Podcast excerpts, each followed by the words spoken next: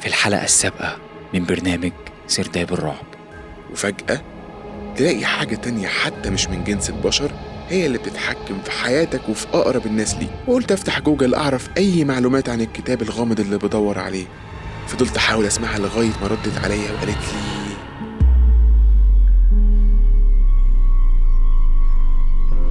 طفي النور وابعد عن كل اللي حواليك. أنت دلوقتي بتسمع محمد المهدي في برنامج سرداب الرعب على راديو شبين. راديو شبين صوت بيرسم لك صورة.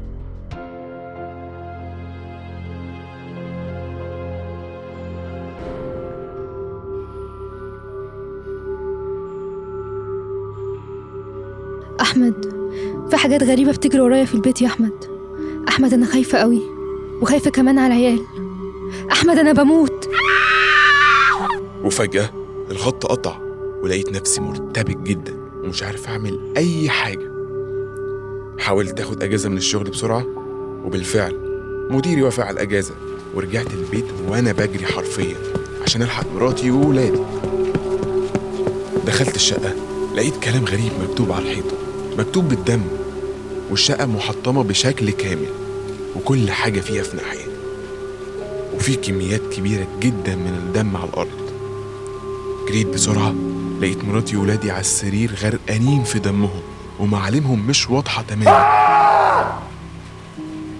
أنا ساعتها طبعا أصبت بصدمة شديدة جدا لدرجة إن أغمى عليا في مكاني وما بقتش دريان بأي حاجة. دخلت الشقة لقيتها متوضبة وكويسة جدا ورجعت زي الأول. استغربت طبعا وما كنتش عايز غير إني أقعد على السرير أرتاح. وافتكر كل ذكرياتي مع مراتي وولادي اللي ماتوا بطريقة بشعة جدا. طبعا مش قادر أفارق الصورة اللي شفتهم بيها. وأنا قاعد مرتاح جه في بالي إني أرجع المكتبة بتاعت جدي تاني. طلعت فوق وهنا اتصدمت للمرة التانية. لقيت باب المكتبة مفتوح ومكتوب عليه كلام غريب جدا وبرضه مكتوب بالدم. وقلت لأ بقى ده أنا ههرب من البيت ده بسرعة. بس قلت لأ أنا هدخل. وأنا داخل المكتبة سمعت صوت غريب جدا بيقول لي ادخل يا أحمد. وفجأة لقيت حاجة اتحدفت قدامي. بصيت لقيته الكتاب الغامض اللي كلمتكم عليه. أيوه الكتاب اللي بيتكلم عن التلات وحوش اللي بدور عليه بقالي فترة. والغريب بقى إن كان عليه بقع دم. مسكته ونضفته وخدته معايا الشقة. جيت كده أعمل لي أي حاجة أشربها.